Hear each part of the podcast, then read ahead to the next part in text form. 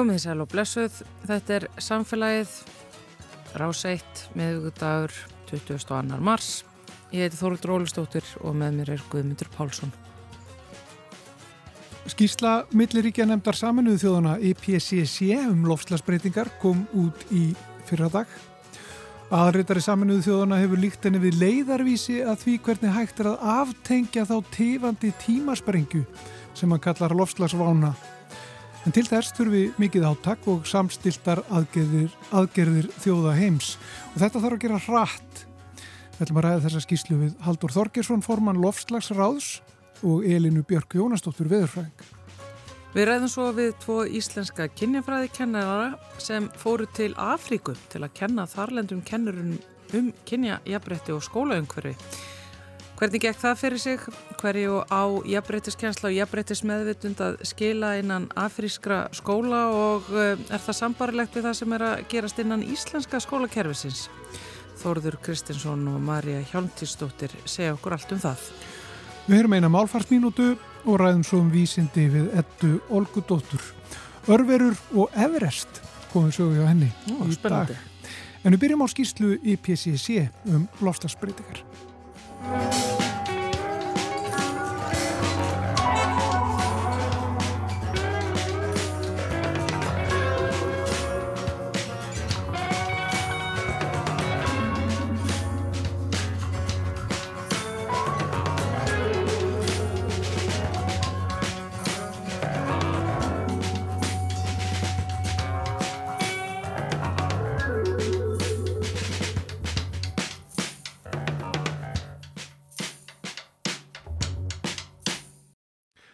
Milliríkjanemnd saminuðu þjóðana um loftslagsbreytingar í PCC gaf fyrir í vikunni út samantektarskíslu um loftslagsbreytingar og þar kemur fram að umsvið og aðtapnir manna og sérstaklega þá brunið jarðefnaelsnitis hafi leitt til hlínunar um 1,1 gráðu frá innbyltingu og markmið Parísar samkommulagsins um að hlínun fari ekki yfir 1,5 gráður innan fara ára virðist æ ólíklegra en það sé þá enn hægt að breyðast við. En þau viðbröð þurfa að vera markvis, það þurfa að veita fyrir í aðgerðir, samdráttur í losun þurfa að vera skilirislaus og þjóðir heims að vinna saman.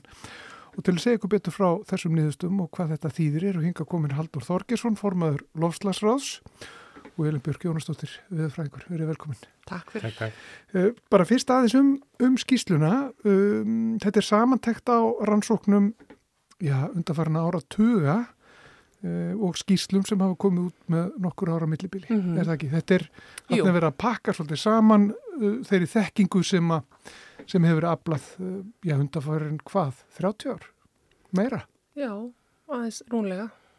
Frá 92 þá kom fyrsta skíslan Mhm. út uh, og þá hafði nú rammasamningurinn verið sem sagt komin af stað, eða ef ég mann þetta rétt, rammasamningur saman í þjóðana um loftlasbreytingar. En þetta er sem sagt svona sjötta samantækta skíslan sem að er gefin út uh, og hún er þá samantækta skíslun sem að við höfum verið að ræða sko alltaf svona árvist síðust ár þannig að það er koma út svona mats, eftir svona matsringi, má segja, þessar skíslur.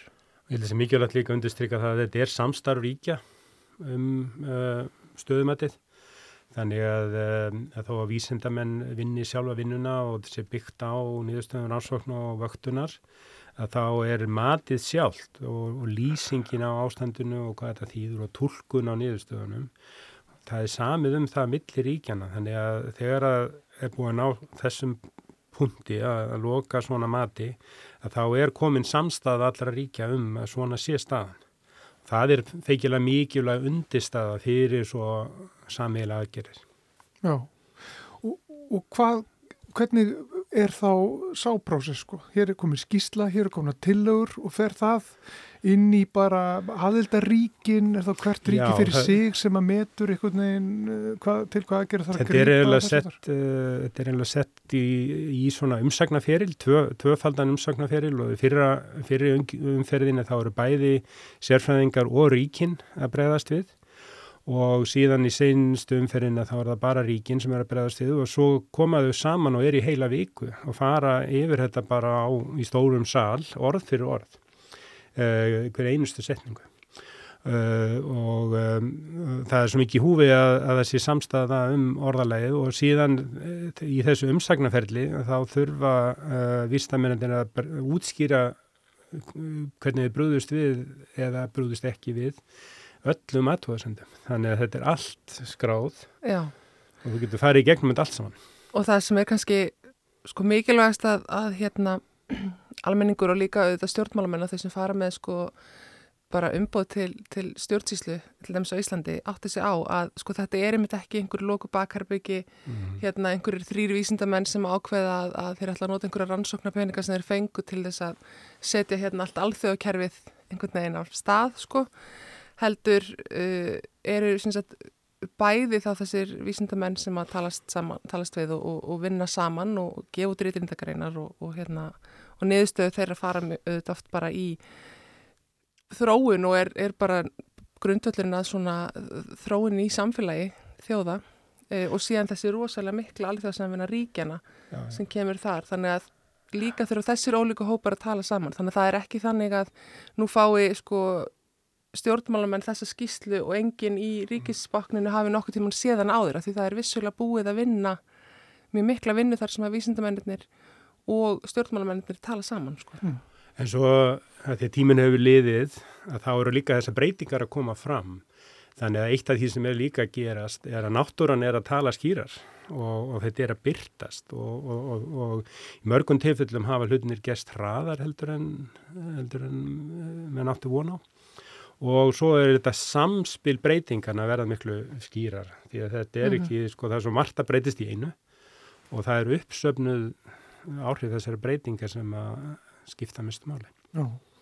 Um, Aðarrítari saminuð þjóðuna Antonio Guterres um, hann var ekkert að skafa hlutunum þegar mm. hann uh, brást við þessari skýslu hann sagði að loslasváðun væri tifandi tímasprengja og, og þessi skýsla væri í rauninni já, leiðarvísir að því að aftengja þessa, þessa tímasprengju þá kannski spyr maður bara hvað, hvað, hvað á við með því og, og hvað, hversu mikið mál er, er það að bregðast við?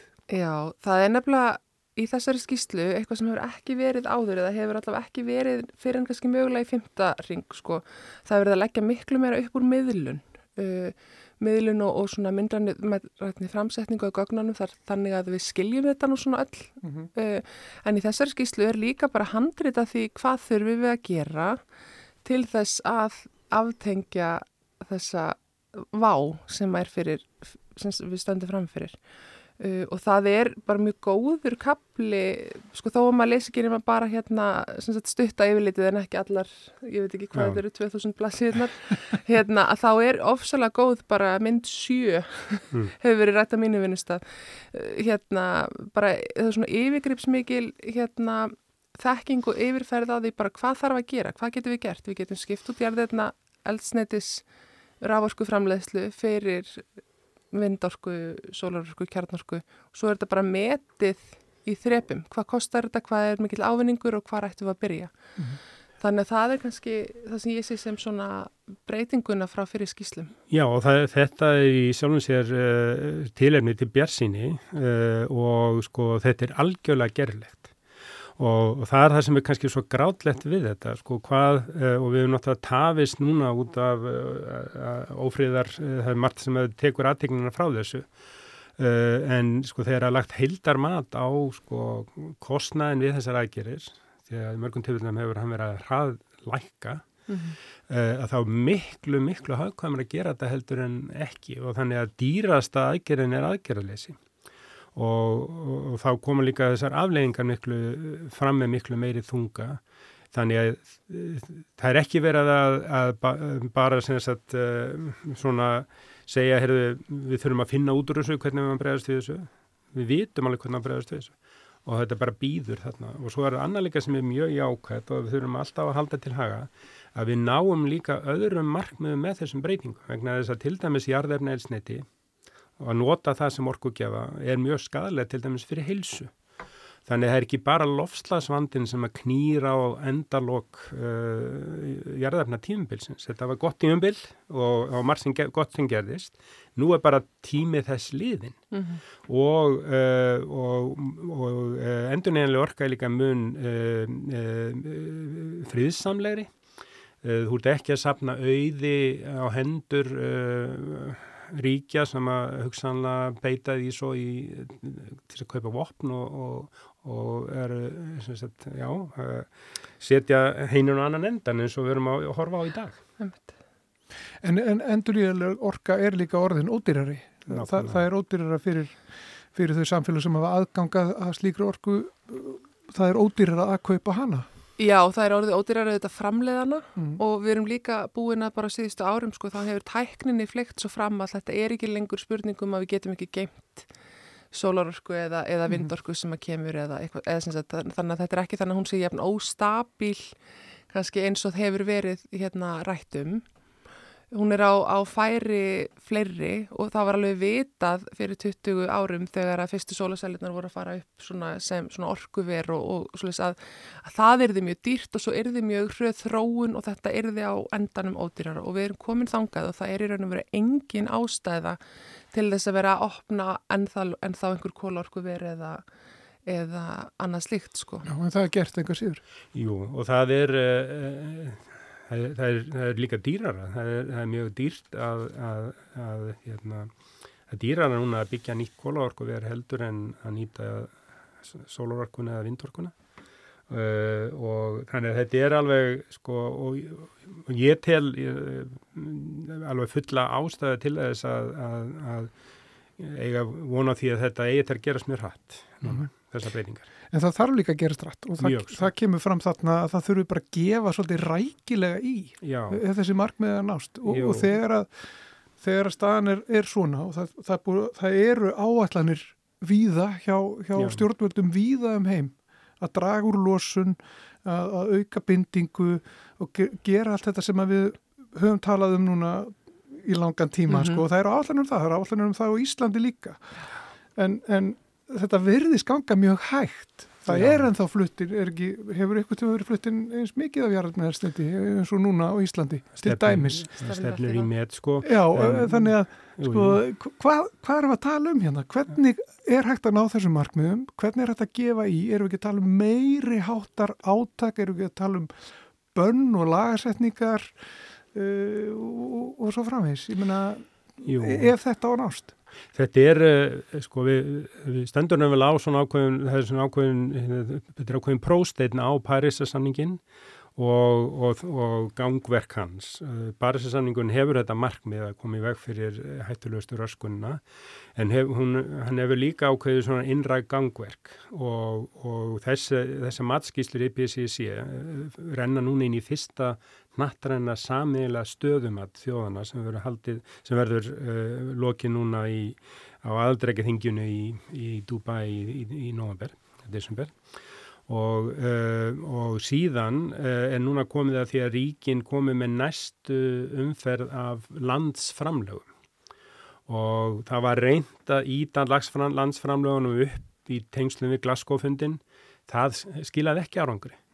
Uh, en ég held að sé fulla ástæða til þess að, að gera svo vonur um það að það verði önnur staða núna því að nú er að koma ný landsframlög á grundvelli þessara skýslu að, og líka á grundvelli reynsluna sem að ríkin hafa byggt upp og, uh, og uh, þessa, þessa hagfræðilegu þátt að um, þetta er ekki svo mikið spurningin endilega um nýjan pening heldur tilfærslu á fjárfestingum og það er þegar uh, merkjum það að fjármagnir sé að færast frá jarðarneilsneitunni yfir í endurneillega orku. Það er uh, uh, núna ár eftir ára þá hefur meirulhuti orku þarfar en nýrar orku sem hefur komið verið endurneilleg og þetta mun halda áfram. Þannig að sko þetta er að þróast í rétt átt bara ekki nægilega hrætt. Mm. Og þess vegna er þetta mikið úrsleitað þing og skiptir mjög mjög máli þetta eh, aldrei þing sem er núna í loka ásins um, og hvernig það telst til með þetta natturinnar stöðumat sem er í fyrsta skipti sem það er fyrir fram undir Parísa samningum. Já, og, og hvernig eru gögnin? Ég menna, hvernig gengur að afla þessara gagna? Er það mismunandi eftir uh, þjóðum og eftir þeim aldaríkjum sem að taka þátt í þessu eða? Já, þjóðirnar hafa þetta skrifað undir það að þær verði að skila inn þessum framlögum, sem mm -hmm. þær þjóður sem eru aðlarað samningnum það er svona náttúrulega alltaf pínir yfirvild um það hvort að það sé búið að gera það rétt og gera það á réttin tíma eða slíkt en, en þegar allt kemur til alls að þá hefur þetta nú verið, þessu nú verið sapnað sko mm. og, og hérna skrifstálottasamlingsins hefur nú haldið utan það eftir því sem við bæstu veit. Og svo er tilbúið allt regluverkið og, og líka sko reglulegar uppsingar sem streyma inn til samningsins um losununa þannig við vitum mjög vel hver staðan er. Já. Eh, það skiptir miklu máli líka að ná utanum uh, svona öflug gróðrúsaloftegundir sem að hafa mikinn upphittuna mátt eins og metan til dæmis. Það losnar mikið uh, frá ólí- og gasframlegslu og líka frá lambúnaði. Þannig að til þess að ná árangri sem fyrst og svona að hægja á þessum breytingum og þá skiptir miklu máli að ná utanum það strax mm -hmm. uh, og síðan að halda áfram uh, á þessum, uh, þetta er náttúrulega raunverulega bara að vera að skipta út orkukerfunni. Já. Já og það sem að skýslan fyrir ekki, það sem skýslan sem þetta er líka að segja og tekur fram svolítið sérstaklega er sko að, að hérna ríki, hérna ríkin hafa öll samþygt Parísarsamkomulæðið og það er gert ráð fyrir ákveðnum markmiðum sem satt undir 2 mm. gráðum og helst 1,5 og síðan eru þessi þjóðaframlög sko, sem eru lofordin að þau ná ekki upp í þetta og, og þessi skýsla er svona ákall um að loka þessu gati.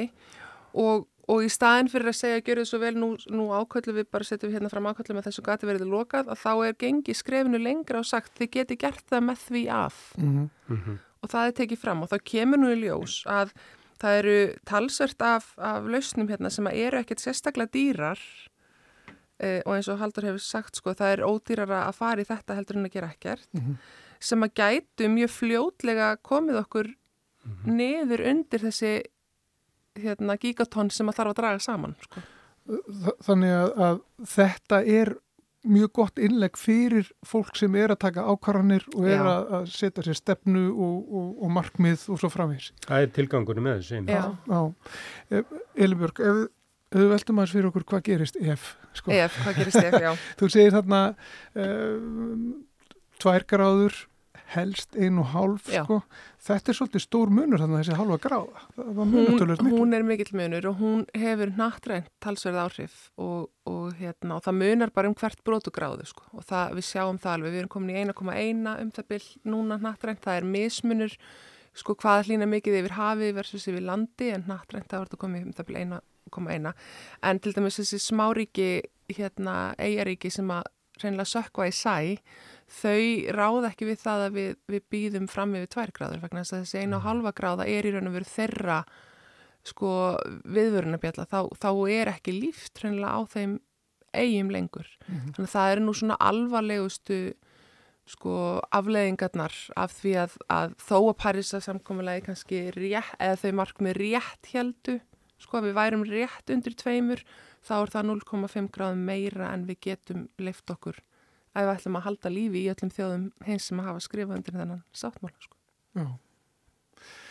Það er nefnilega það. Það er nefnilega það. Þetta sko, ég veit að hér á Íslandi þá er erfitt sko að gera sig grein fyrir því að við viljum auðvitað bara mildar í sömur og og hérna einhvern veginn betra veður og það hefur svolítið verið sko hérna erfitt fyrir okkur finnst mér að miðla því að það er ekki endilega niðurstaðan sko að því að, já, að, því að hérna auka veðrið eikst og þetta verður ekkert endilega þannig að þessu sé allir jafn skipt sko en það er þetta ekki auðlind, þetta eru hamfari sko fyrir maður íhuga það eins. Nákvæmlega og ég held að við mögum passa okkur svolítið á því að halda ekki að við séum eh, varin gegn þessu hér. End og það eru um, bæði mjög beinar afleiðingar hér heima sem við erum þegar farin að upplifa meira með uh, ofan flóðum og öðru slíku og aftaka veðrum en síðan eru við líka mjög nátengd uh, sko fæðukerfi heimsins og, og, og það byrtast hér mjög beint um, slíkar afleiðingar. Og síðan er svona stóra svona uh, áhættan, það er þessi súrnun uh, sjávar. Já og það er breyting sem hefur aldrei áður gerst á þróunar á, á tímum, þann tíma sem lífið hefur verið á jörðinni. Og, og það er algjörlega fyrirsjánlegt uh, hver er alvegingarna verða og, og, en það er greinlegt að það er verða skadlegar og sagt, það fer saman að, að ef við náum að hæja það mikið á uppsöfnunni að, að við náum að vera við einu halva gráðu þá er það líka, uh, gefur líka von um að uh, stjórnum sjáar gangi tilbaka og það er en í öllum tilfellum ef við gungum lengra þá er alveg ljóst að hún, það mun ekki gerast. Þess vegna þarf Ísland raunverulega svolítið að, að sem þjóð sem að lifir á lífrikihefsins að vera fremst meðal þjóða að bæði að stöla að árangri og kalla eftir meiri metnaði. Ég held nefnilega að Ísland geti beitt sér í alþjóða Já. samhengi miklu meira uh, við það að einmitt stuðla því að stærri þjóðir Já. og vestræna þjóðir sem beru þetta ábyrða mestri þessari uppsöfnun þó að vissulega sé sko útblástur núverandi kannski farin aðeins meira til ríkja sem meira að þróast og mm, hafa þróast síðust ár eðlilega uh, en, en það er nefnilega þetta að, að sko við erum ekki jafn varin fyrir þessu eins og við kannski höldum og ef að við hugsaum okkur nú bara sem svo að það erði hér algjört hrun í fiskveðum í kringum landið eða þeim stopnum sem við seljum, ég veit ekkert hvað svo líklegt eða ólíklegt það er en við erum að ofta skoða sko svona öfgafylstu hérna niðurstöðunar versus bara þú veist það er þetta ef við breytum engu eða jáfnvel gefum í útblástur hvað gerist þá, þá erum við að tala um 56 gráður og þá erum við að tala um mjög alvarlegar afleðingar Og mér finnst allt í lagi að Íslandingar svona hverjum sig hugsi aðeins um það sko hvaða áhrif hefur þetta á bara megin atvinnuvegi landsins sem eru sko ferðaðinarinn og sjárútöðurinn mm -hmm. og mhm. báðar þessar atvinnugreinar verða fyrir mjög miklum skakaföllum ef að við tökum ekki fóristu í loftasmálum. Bæði að við fyrir að hraða okkar aðgerðum hérna heima en eiginlega og sérilega að við tökum meiri afgerðandi afstöðu á heimsvísu. Já, það er nú tímin að klárast hjá okkur, bara svona í lokin sko, hvað er, getið þið sett einhverja svona punta sko, hvað þarf að gerast núna? Ef að þið fengi bara ráða. Þið mættu bara, þið bara ráðið til hvað aðgerið gripið núna. Hvað, hversu, hversu langt þarf að ganga og hversu hratt þarf að ganga Það sem í mínum huga er mikilvægast er að tryggja það að, að, að þáttakari þjóðir heims uh, fái að njóta uh, þessara orkugjafa. Það er mjög það er allt og stór hluti í jarðabúa sem hefur ekki aðgang að e, orku. Og þess vegna þarf að, að, stór ebla samstarfum um uppbyggingu á, á orku innviðum og, og, og það þarf að vera samílet verkefni. En við þurfum að sama tíma líka að hjálpa þeim þjóðum sem koma til að koma vest út úr og það sem er svo óriðlátt í þessu er að, að þeir sem hafa minnst lagt til vandamálsins mm -hmm. koma vest út koma vest út úr þessu Já.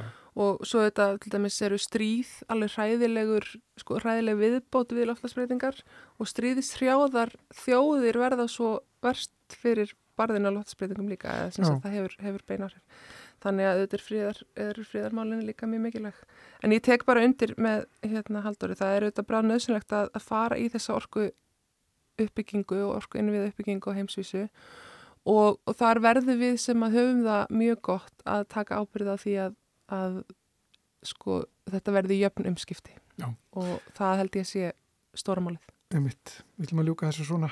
Það er hægt að skoða ágæta samantækt á veðurstofunar, það er svona ágæta samantækt þar og það já. er lekkur inn á skýsluna sjálfa Einmitt. fyrir fólk sem hefur tíma til að lesa 2000 blaðsýður. Já, en svona skemmri skýslan verður þýtt á íslensku líka verður komin inn á veðurstofunar fljóðlega. Einmitt. Eh, takk fyrir komuna í, í samfélagið Haldur Þorgesson, formadur Lofslagsráðs og Elin Björk Jónastóttir Veðurfrængur.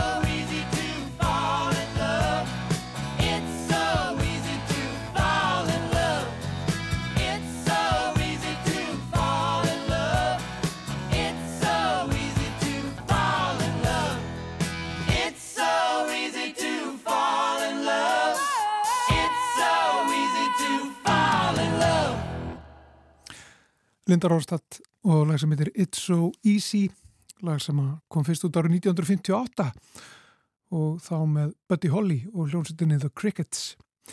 En eh, þessi útgáfa Linda Róstadt kom út árið 1977 Hjá mér eru sest kennararnir Þórður Kristinsson og Marja Hjálmtísdóttir Sælveriði Gótt sæl. Þið eru hinga fenginn til þess að segja okkur hlustandum frá verkefni í Uganda sem að tengist já, kynja, jafnbretti og kennslu. Uh, þið verðið að grýpa núna boltan. Við sem sagt vorum uh, núna í Uganda í, í februar, uh, fórum þar á, uh, á vegum Krókgest sem er sem sagt jafnbretti skóli saminni þjóna og við vonum sem að fara með þetta verkefni í rauninni þriðja skipti Uh, fórum fyrst í Malawi 2017 og síðan uh, þurftum að vera með hérna, netnámskeið í, í COVID fyrir kennara í Santi Lúsíu Já. og uh, þetta gengur sem sagt út af það að fara með þá þekkingu sem við höfum sapnað að okkur senustu 15 árin cirka Mm. með svona jafnréttiskenslu og, og, og fræðslu fyrir kennara, svolítið að þeir geti síðan farið með það áfram í skólakerfi hjá sér. Sko, eru þið þá sér fróð sem kennarar í ykkar skólum hér á Íslandi um jafnbrettisnám og, og jafnbrettiskenslu? Það vil svo skemmtilega til. Ég er, er kennari í kvennarskólum í Reykjavík og hef verið með svona jafnbrettisfræðslu þar ansi lengi og þá sérstaklega í tengslu við kynjafræði Mm -hmm. Og uh, svona hefur verið jafnbrettisfulltrúið þar og lagt áherslu á í mínum svona skrifum og, og rannsóknum og, og ég sem þetta er sem líka nefandi við Háskóli Íslands, dóttursnámi þar um, hef já, lagt áherslu á sem sagt jafnbretti í, í námi Mm. og þá sérstaklega sem sagt þennan kynja jafnbrettis vingil. Og þú líka, Marja? Já, ég er sérst að kenna í mentiskólanum í Kópavogi og ég er að kenna kynjafræði þar sem eru skildufag Mm. fyrir alla bóknámsnema. Og er nú búin að vera að bralla við kynjafræðina síðan hvað ætla þessi 2012 cirka bát er, er jafnbrettisfulltrú líka og, og tek og treð mér í allt sem heitir jafnbrettis eitthvað. Já, þannig að þetta verkefni að fara og kenna öðrum kennurum að- að að kenna kynjafræði og, og um jafnbreytismál, það er bara eitthvað sem að er fullkomið fyrir ykkur með að við bara ykkur áhuga svið, sérsvið og, og, og, og reynslu. En á hverju Úganda? Þetta er það land sem við erum búin að vera uh, að vinna hvað mest svona í þrá, þrónasamvinu uh, sem þetta Ísland Mm -hmm. og reynda líka sem þetta Malawi sem við fórum fyrst til mm og uh, þar sem þetta fundum við mjög henduga hérna samstarsala uh, það gengur ekkit að, að mæta þarna einhver Íslendingur að segja svona gerum við þetta og því að gerum svo við Mhm. heldur Mhm. þurfum við að vera svona mjög næma á menningunum sem við erum að fara inn í og við vorum sko í rúma sex mánuði að funda með, með sagt, samstarfsfélagum okkar hérna í Uganda sem er sem sagt uh, frjálsfélagsamtök Pangea. Já, Pangea. Já. uh, sem hérna hefur starfað þarna í Uganda og lagt svona áherslu á að koma með uh, hérna, le lestrarefni fyrir öll sagt, alla aldurshópi í grunnskólum Uganda -hmm. og uh, eru sem sagt með nýjar bækur sem eru með myndskreitingar sem tengjast uh, kultúrnum þar og hérna allar sögupersonar eru einhverjar sem við, við gáttum séð þarna á, á, á götum úti og í þorpunum og svo fræðis og eru með svona tengingu í bæði menningur þeirra og sagnaarf. Við, við sem fórum í, í samstarfið við þetta fólk eða þessi samtök, Pangea sem hérna hefur þá tengingu við kennarna sem við fengum á þetta námskeið og þekkingu á kultúrnum og síðan vildi svo ótrúlega vel til að uh, þetta eina þeim sem, sem var hérna með okkur hún, Brenda. Brenda Apeta mm. hún hafi verið nefandi í jafnleitiskóla saminu þjóðana uh, Krókjast sem sendi okkur hérna út fyrir tveimur ánum síðan. Og hún er sem sagt mentaði kennari og mentaði kynjafræðingur og hafði staðið sig svo frábærlega hjá hérna grókjast og hún hafði fengið sérstök heiðusverðin Vigdísar Vimbóðdóttur og hún svona var mjög spennt fyrir því að fá okkur þarna út. Ég hafði kynstinni þegar ég var að kenna, ég, ég er líka gestakennari hjá grókjast og við höfum kynst þarna vel þá og hún sem sagt hafði milligöngu fyrir þetta samstarf og hún var eiginlega bara pottin og pannan þarna í öllu og sem sagt við fönum þarna, hittum þessa kennara 50 kennarar frá uh, einu fátakarta hér eða þarna í Uganda Acholiland og Gúlu er borgin sem við vorum í í norður Uganda Já, það er nú uh, frekar erfitt svæð og hafa verið mikil róstur þar. Já, Já það er ríkalið saga þarna um, um hvað héttan uh, Kóni Já, sem stala öllum börnunum og gerða hermanum og þannig er bara einhver djúb svöðu sár náttúrulega bara í, í sál, þjóðarsálinni náttúrulega, já, já. þetta er svona sögu. Já. Þannig að maður heyri það alveg. En sko þess vegna er ég myndið að hugsa að þið farið sko til Uganda sem er svona ólíkt Íslandi, þið farið þennan hluta Uganda sem að er að koma upp úr bara ræðilegum tíma Þið getur kannski ekki beinleins valsa þarna inn sem einhverju mhm. sko svona kvítir íslenskir feministar sem eru bara með öll svörin á hreinu og bara tróðið og vísifingurinn á lofti. Já, það er einmitt eins og þetta sko þið þurfið svolítið að ganga inn í þetta með virðingu fyrir mm. því sem að er þarna fyrir alveg sama hvað ykkur svo sem kann að finnast um það. Allan daginn það var voðalega gott líka að hafa brendu sem brú Já. að hún alltaf hafi komið til Íslands og, og, og hérna svona vissi hverju nátt að búast við að, frá okkur hvernig við værum og hvaðan við værum að koma og svo komum við kannski með einhverjar sögur uh, úr okkar kennslu og þá gæti hún alltaf þýtta svolítið yfir og þetta er eins og við hérna erum að gera þetta og þetta og þá gæti hún einhvern veginn búið til tengingu þannig að að innfættir skildu alveg hvert við vorum að fara kannski með sögum sem voru kannski svolítið óljósar, óljósar já, já. úr íslensku, úr íslensku tilveru sko. En íslenska samhengi rýmar það eitthvað við að úgandíska upp og bara að í Úganda er mikið kynja og ég bretti heimilsofbeldi mjög algengt og og náttúrulega bara hins einn fólk til dæmis spannað og veist, þetta er, veist, er alltaf erfitt að þýða mm, kennslefnið ykkar vantilega yfir á þetta svæði. Sko það vil svo skemmtilega til eða illa til að á Íslandi þá er bæði bara fullt af kynbund ofbeldi, heimilisofbeldi fordóma gagart hins einn fólki svo leiðis að Það, það er ekkit langt að, að sækja sko samlíkinganar. Það var svolítið eins og tímavél sko að ymsu leiti að maður er svona já við vorum þarna og við erum komin hingað. En það er og samt alltaf örlar alltaf á gamla tímanu svolítið. Já, hann, það er ekkit eins djúft á því að við höldum já, sko en það var, mér fannst ofsvöldlega áhugavert að því að ég hafði bara séð Afríku í sjómarpinu, bara David Attenborough skilur eitthvað svona National Geographic Afríku sko já. og hafði bara í rauninni voru litlu tilfinningu fyrir því hvernig er, er að vera þannig í alvörunni skilur mm -hmm. og mér fannst svo gaman og það var svo gefandi að átta sig á því sko að um leið og ferða að tala við fólk að það er allir, því, það er allir á sömu leið, það er, vilja allir að börnin sín eigi betri líf heldur en þau. Það ja. vilja allir uppræta vandamálun sem eru auðsjánleg, skilur. Mm. Og það, og, og sko um leiðum að fyrir að tala um þetta bara sem manneskja að þá eru allir alltaf að ég fattur mig þegar þú veist við, við, við heyrum þegar við segjum upp átt þversagnirnar í okkur sjálfum og þau gera það alveg svo við og segja eitthvað svona, já, sko, tengda svona minn hann á að vera, sko, ofsalega góður og blíður, en eiginkona mín á að vera auðmjúk og, skilur og svo þegar þú ert að segja já, já þú meina, herr, býtum við. Skilur, og við erum öll viðst við erum svo lík, við erum svo miklu meira lík heldur en við erum ólík já. og það er svo holda það er svo holda bara fá það í andliti þegar maður kemur bara, já, nú ætlum ég að segja ykkur krakkar hvernig kynjafræði á að vera og hvernig jafnbreytt á að vera, eða fattur já, en er það þá bara þannig að kynjafræði verður kent þá í einhverjum úkandískum skólum af þessum kennurum sem að þið voruð að vinna með?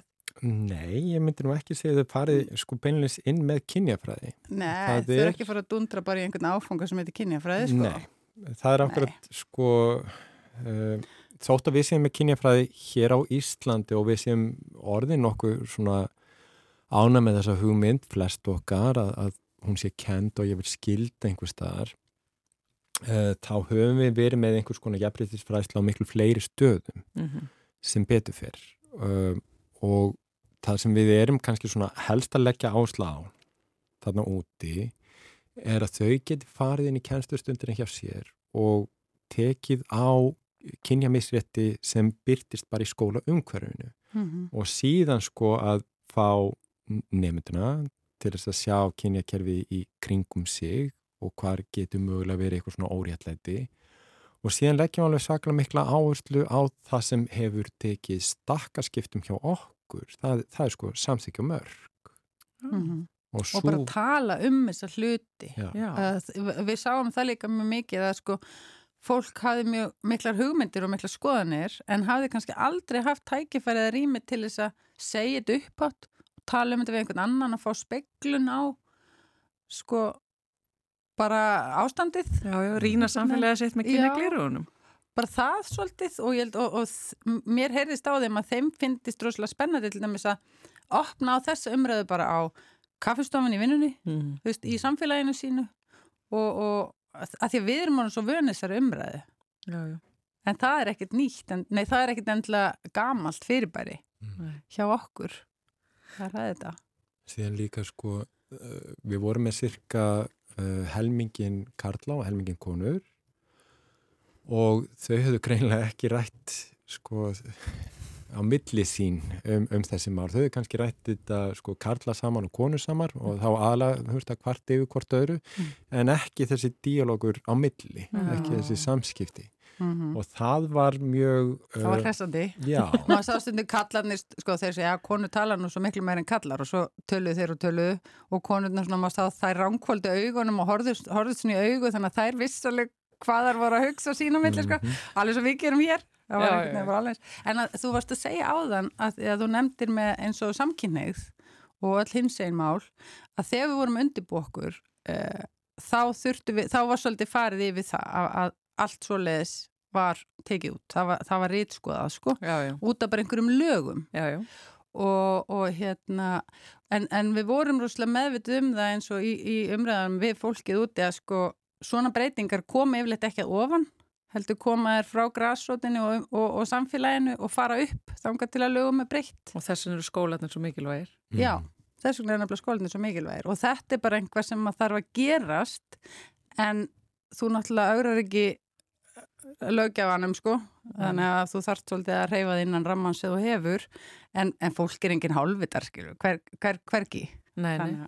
En er þetta þá að verða einmitt sem einhver svona smá bylgjar sem að getur einmitt færst upp á við og, og, og orðið bara að stórri öldu? Sko við erum mjög bjart sín að því að, að eftir að við fórum heim þá held, heldur Brenda og, og stöllir hennar áfram mm. og fóru ennþá norðar hérna alveg við landamæri Flóttamannabúðir, já, já. og voru með sambarlegt námskeið þú veist, við, þú veist, þetta var mjög intensíft vikunámskeið sem voru þarna með þessum kennurum í Gúlu Mhm. þeir fóru síðan norðar og eru þar aftur með 50 kennara aftur þetta 5 daga námskeið og eru búin að svona sníða mestu vannkanta af og, og keiri þetta þar og Mhm. það er svona sko, þvílík ánægi með þetta þar með kennara, kennarana þar Mm. að það er bara verið að kalla eftir meira og meira Þau fóru með þessi útvarpið já, það kom útvarstöð og, og tók upp eitthvað dag á námskeiðin og talaði við nefnendur og... og þá var það sko þá voru nefndin sjálfur sem, sem köllu eftir þessum hérna, útastmanni þar Já. að því að þeim fannst bara þetta þyrta að heyrast víðar Þann, vera þannig að það verið að námskeið. kalla eftir þessu samtali sko. en Já. það þurft, þarf einmitt kannski eitthvað utan á komandi svona til þess að að búa til tilefnið en svo eru Já. greinlega viljóðar hendur sem að og, og það er kannski sko Ísland eru þetta ekki nándar næri fullkomið þegar kemur að kynja jafnrétti. En við erum samt svona uh, finnst þér við erum samt svona þú veist uh, við erum búin að ná það langt á til til að skömmum tíma vegna þess að fólk hefur ítt alveg ótrúlegu eða lift ótrúlegu grettir taki hérna í, í jafnleitisbánum mm. og nú bara tekið ofan fyrir þeim konum sem hafa verið hérna í gegnum áratíðinu hérna undan sem hafa bara verið potturinn og pannan í, í jafnbrettismálum e, hvað var það að kynja jafnbretti og við getum sem sagt verið aldrei svona fyrirmynd í Uganda, nei, já, í Uganda og við getum sem sagt þau geta lítið okkur og við getum sagt þessu náðum við að breyta. Vi, mm. Við vorum ekki á mikið skári stað heldur en, en þau eru núna fyrir bara 60 árum síðan. Já. Svo leiðis að, að, að það er hægt að breyta Já. og það er kannski okkur það sem er svo gott fyrir það að sjá. Já, þeim fannst það alveg, ég, maður sá það að sko, það að heyra að við hefum bara verið nákvæmlega eins, ég meina konur erfðu ekki hérna í gamla daga þú veist, eh, sveitabæina heldur kallanir og svo flyttu þeir konuna með sér á bæina, eða þú veist, bara eins og þetta var í gamla og, og þetta með mentun, hverji mentu sig og hverjir höfðu völdin og allt og þetta, þetta það er ekkit lengra síðan og við höfum breytt þessu og, og hérna, og þau vildu bara einhvern veginn meira og þau sem voru með okkur, þau vildu hittast aftur og mm. svo verður bara aftur hérna hittingur og, og þær eru bara bennur um að koma tilbaka og hafa svona update, fylgja eftir sko, hvað er við búin að gera, hvað er við búin að innlega og, og þau vilja ekki hafa þetta bara svona námski sem er búið, heldur var einmitt ákveðin svona þosti í alveg bara okkur, nú ætlum að gera eitthvað og mm. það, maður fann alveg að það var svona, það var eitthvað eitthvað, það er eitthvað gerjast Já. sem er frábært Og verður aðtæklusvert að fylgjast með, munið það halda áfram í þessu verkefni og fara kannski víðar? Sko við eigum eftir allavega að, að vera í brendu og félagum innan handar. Mm. Við erum til í allt. Já, já, og uh, ég býst við að já, við svörum kallinu ef það uh, komi einhverju svona samstagsæðala sem vilja fá okkur. Okkur fannst þetta allavega ótrúlega gefandi og, og það voru allir svo gladir þetta er svo skemmtlegt Já. Mér fannst mjög áhugavert að það eitt af því sem að mér fannst áhugaverðast var að hún Brenda sem hafi verið hérna í Íslandi það sem að henni fannst minnana mesta Uganda hérna á Íslandi það voru kleinur mm. ég skulum segja það Já. mér fannst það mjög skemmtlegt Já, það er nefnilega, það er svo margt sem að tengir okkur, við erum ekki svo ólík Það er allavega greinilegt að þið eru komin mjög valdælt uh, eh, út úr þessu verkefni og vonandi bara nýtist að ykkur áfram í ykkar störfum uh, hvort sem er í kennslu eða bara hvar sem er. Þóruður Kristinsson og Marja Hjálptísdóttir, kynifræðikennarar. Takk fyrir spjallið. Takk fyrir að hafa okkur. Um en eftir að fara í okkar reglubundna vísindarspjall með ettu Olgu Dóttur, það verður hér eftir örskama stund. En fyrst ætlum við að heyra eina málfarsminútu.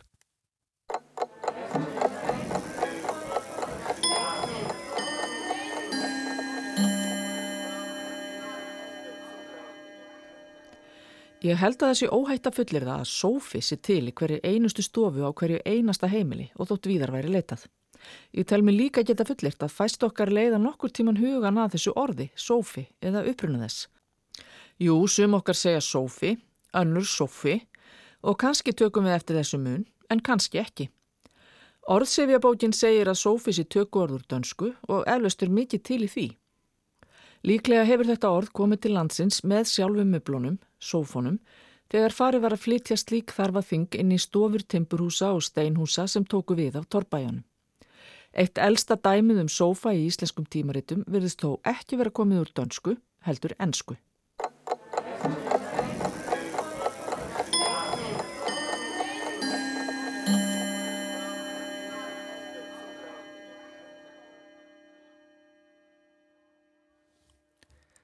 ennsku. Málfarsminútan að baki og þá er komið að förstum lið hér hjá okkur í samfélaginu á miðvíkudögum. Það er vísendarspjallið með ettu okkar Olgu Dóttur sem er sest hérna hjá okkur.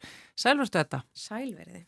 Þú ætlar að fara með okkur upp á fjöll í, í spjallið dagsins, ekki satt? Jú, næstum því upp á hæstatind í heimi sem er Mount Everest, eins og kannski flestir vita, vegna þess að nú var verið að byrta hérna rannsóknagrein þar sem var verið að skoða örfuruflórunna í jarðveginum á Everest. Og það var sem sagt þannig, þetta er hópur sem hefur verið að skoða sko örfuruflóru á þessum svæðum þar sem er bara ískalt og mjög ólífvænlegt. Og maður sér það alveg svona myndum til dæmis af Everest að það er hérna mikill snjór en það er engin gróður og það er ekki hérna, mikið sjáanlegt líf Mm. á staðnum og þetta á alveg við um fleiri staði eins og til dæmis bara suðurskautið og norðurskautið og, hérna, og fleiri hérna, fjallgarða sem eru svona ofbosla háir. Og á hérna í himmalega fjöllunum þarna hjá þar sem að Mount Everest er að þar er að meðaltali sko mínus 20 stegar frost skilst mér á hérna yfir árið. Þannig að þar er ekkit endilega hlaupið að því að, að fara að vaksa ef maður er lífvera. Það er bara virkilega erfitt. Já. en það er samt þannig að hérna örverur eru allstaðar þær eru bara hérna, ferðast með loftinu og koma veist undan skónum okkar og þær eru bara þær lifa allstaðar og hérna það eru ákveðna gerðir af örverum sem að finnast á þessum svæðum í hérna jarðveginum. Og þá er sérstaklega hérna algeng það er enda sveppategund sem að heiti Nakanissia það er hérna ættkvísl sem að vex bara við þessar aðstæður. Uh, og núna sagt ástæðan fyrir að þau fóru svo að skoða þetta svæði er vegna þess að árið 2019 þá var verið að koma upp hérna veðurstöð uh, í, á stað sem heitir South Call sem er sem sagt síðustu búðirnar áður en þú leggur á stað upp á tindin. Þannig að þetta er hérna, þetta er í sko 7900 metra hæð, Já. þannig að þetta er mjög hátt uppi og það er mjög kallt og þetta lendir svona eiginlega í litlum dal á milli sko Everest og svo næst hæsta tinsin sem að ég hef ekki hugmynd um hvað heitir. og, hérna, og þarna var semst verið að koma fyrir veðustöð sem að National Geographic var að koma þar fyrir og þau fóru og tóku jarðvegsíni í leiðinni.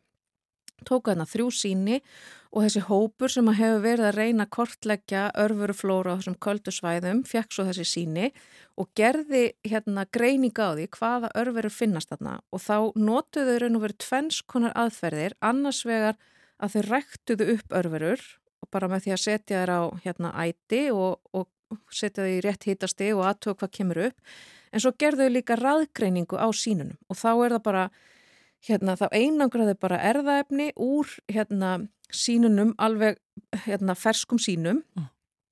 og hérna magna svo upp það sem heitir 16S RNA sem er fyrir þá hérna bakteríur eða 18S RNA sem er fyrir heilkjörnunga og til þess að sjá sem sagt hvers konar örverur búa þarna vegna þess að við vitum alveg að, og þau eru ekkit að leita að plöntum sko. Þau eru eina lífið sem þau eru að leita að eru örverur. Og það er bara einmitt að því að það er einmitt það eina sem að þrýfst við Já, það- aðstæður. Já, nákvæmlega. Og þarna kemur í ljós að það er til dæmis nana, hvað sagði ég, nakanisja, Já, sveppurinn, er mjög algengur þarna. En svo það sem er svona kannski aðeins uh, öðru vísi við þessi svæði sem þau hafa verið að skoða líka eins og söðuskautið og, og hérna önnur svona kvöldsvæði er að þarna er líka mikið af bæði stafilokokkus og streptokokkus sem eru örverur sem koma frá okkur og það eru örverur sem að búa bara í munnhóli og nefhóli og hérna finnst voða gott að vera við svona cirka 35 til, til hérna 38 steg að hita og í svona röku umhverfi. En við það samt geta og sko við erum náttúrulega augljóslega að bera þær þarna upp vegna þess að þarna fer bara ótrúlegur fjöldi af fólki í gegn þó að sé Já, á árið hrækir og- og villi snýtir sér Já. og svona á jörðina. Nákvæmlega og skilur þarna eftir eitthvað smávegis af sínu, sinni örveruflóru og hérna bæði náttúrulega kemur þetta upp í raðgreiningunni og þar er, getur verið að sjá sko örverur þó að þær séu dauðar að þá, hérna, þá myndur þú samt grípa þær, þú myndur samt sjá og já. vegna þess að erðaefni það brotnar ekki svo rætt niður í mínus 20 gráðum Já. ef það væri sko, ef það væri hlýrraðna þá myndi þetta bara eigðast upp sko vegna þess að þá myndi bara hérna pattan og örveran eða þessast örveran og erðaefni eigðast upp og brotna niður en þetta er í raun og veru svolítið eins og að vera bara með hérna lífsýnasafn í fristi. Já, að hafa þetta þarna. Svo, en svo geta þau samt ræktað eitthvað af þessu upp. Þannig að þetta lifir alltaf. Sem er svo sem engar nýjar frettir fyrir foreldra leyskólabatna sem að hafa upplifað síkla. Það er bara enda lust sem að hægt er að bera þetta og lifa af og, og, veist, og fara ring eftir ring Já, þegar kemur að þessu. Sko bakterjur eru ótrúlega snjallar lífverur og þær eru margar með bara svona varnar viðbröð til dæmis við því að lenda í miklum kulda. Þá fara þær bara í svona dvala og sömur þeir að mynda til dæmis gró sem við þekkjum hérna bara ekki frá sveppum Já, já. mynda gró sem er bara eins og svolítið eins og fræ og svo býða þau bara eftir því að, að hérna aðstæði verði hagstæðar aftur og þá fara þær að vaksa aftur og gefa einhverjum hvef. og geta gefið einhverjum hvef sem er þeirra aðsti tilgangur Já, sko. mann finnst það. Já, en svo hérna, það sem að getur nefnilega líka gerst þarna er að því að það er, sko, það er náttúrulega ískalt og það er mikill vindur en svo geta alveg myndast ákveðnar svona bara uh, eiginlega mikró aðstæður, bara á pínu litlu svæði þar getur kannski orði til einhvers konar bara lífpollur þar sem að, að sólinn næra hita nægilega mikið upp til þess að örfyrir hugsa, já ok, hérna er eitthvað að fara að gerast. Kannski ætti ég bara að fara að setja allt í gang.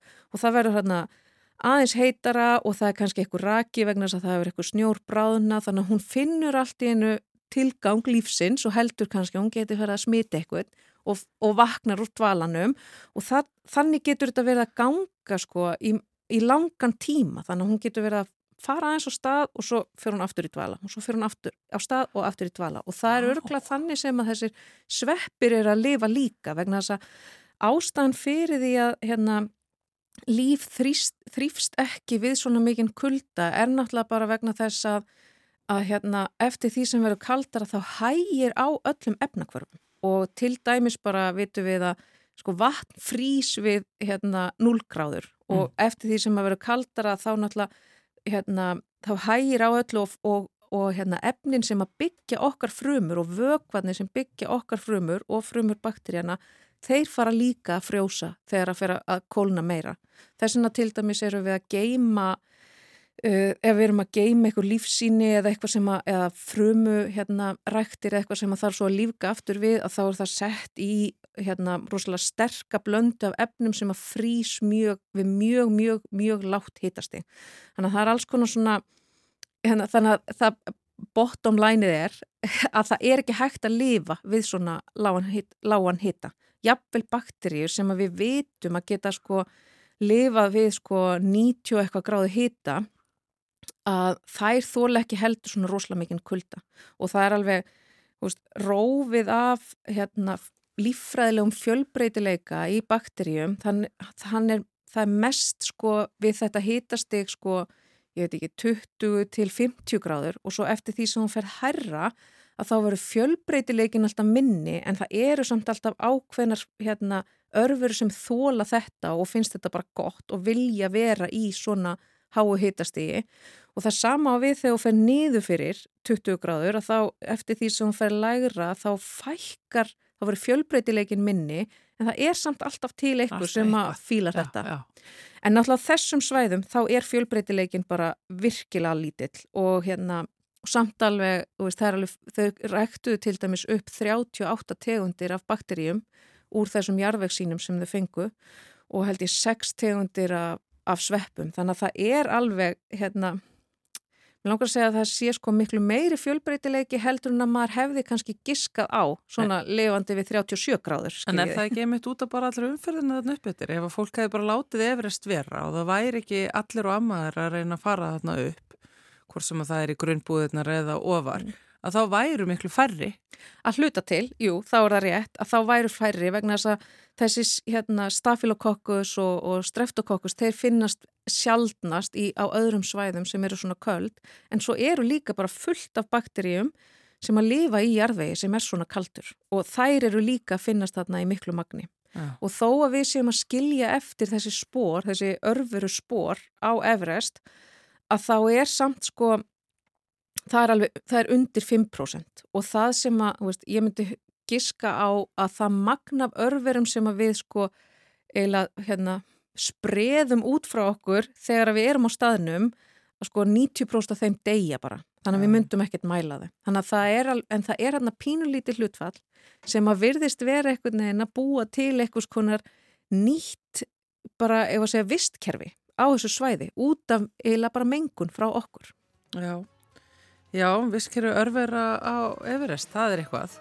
Mjög áhugavert. Mjög áhugavert. Það er nú líka bara visskeru túrista og, og, og Everest orðið alveg sístækandi það er mikið þar. Það er, eitthvað, það er verðt að rannsaka það líka. Það er líka sko. eitthvað sem það þarf að rannsaka og allt rastlið og allt þetta. Takk hella fyrir að koma með þetta. Þetta var skemmtileg samtvinningur fjallamennsku og lífræðinar Etta Olgudóttir. Takk fyrir mig. Og með þessu ágæta vísendaspjalli líkur eh, samfélagi dagsins. Já, við ætlum að vera hér aftur á morgun, Guðmundur Pálsson og Þóldur Ólastóttir. Þánga til. Verið sæl. sæl.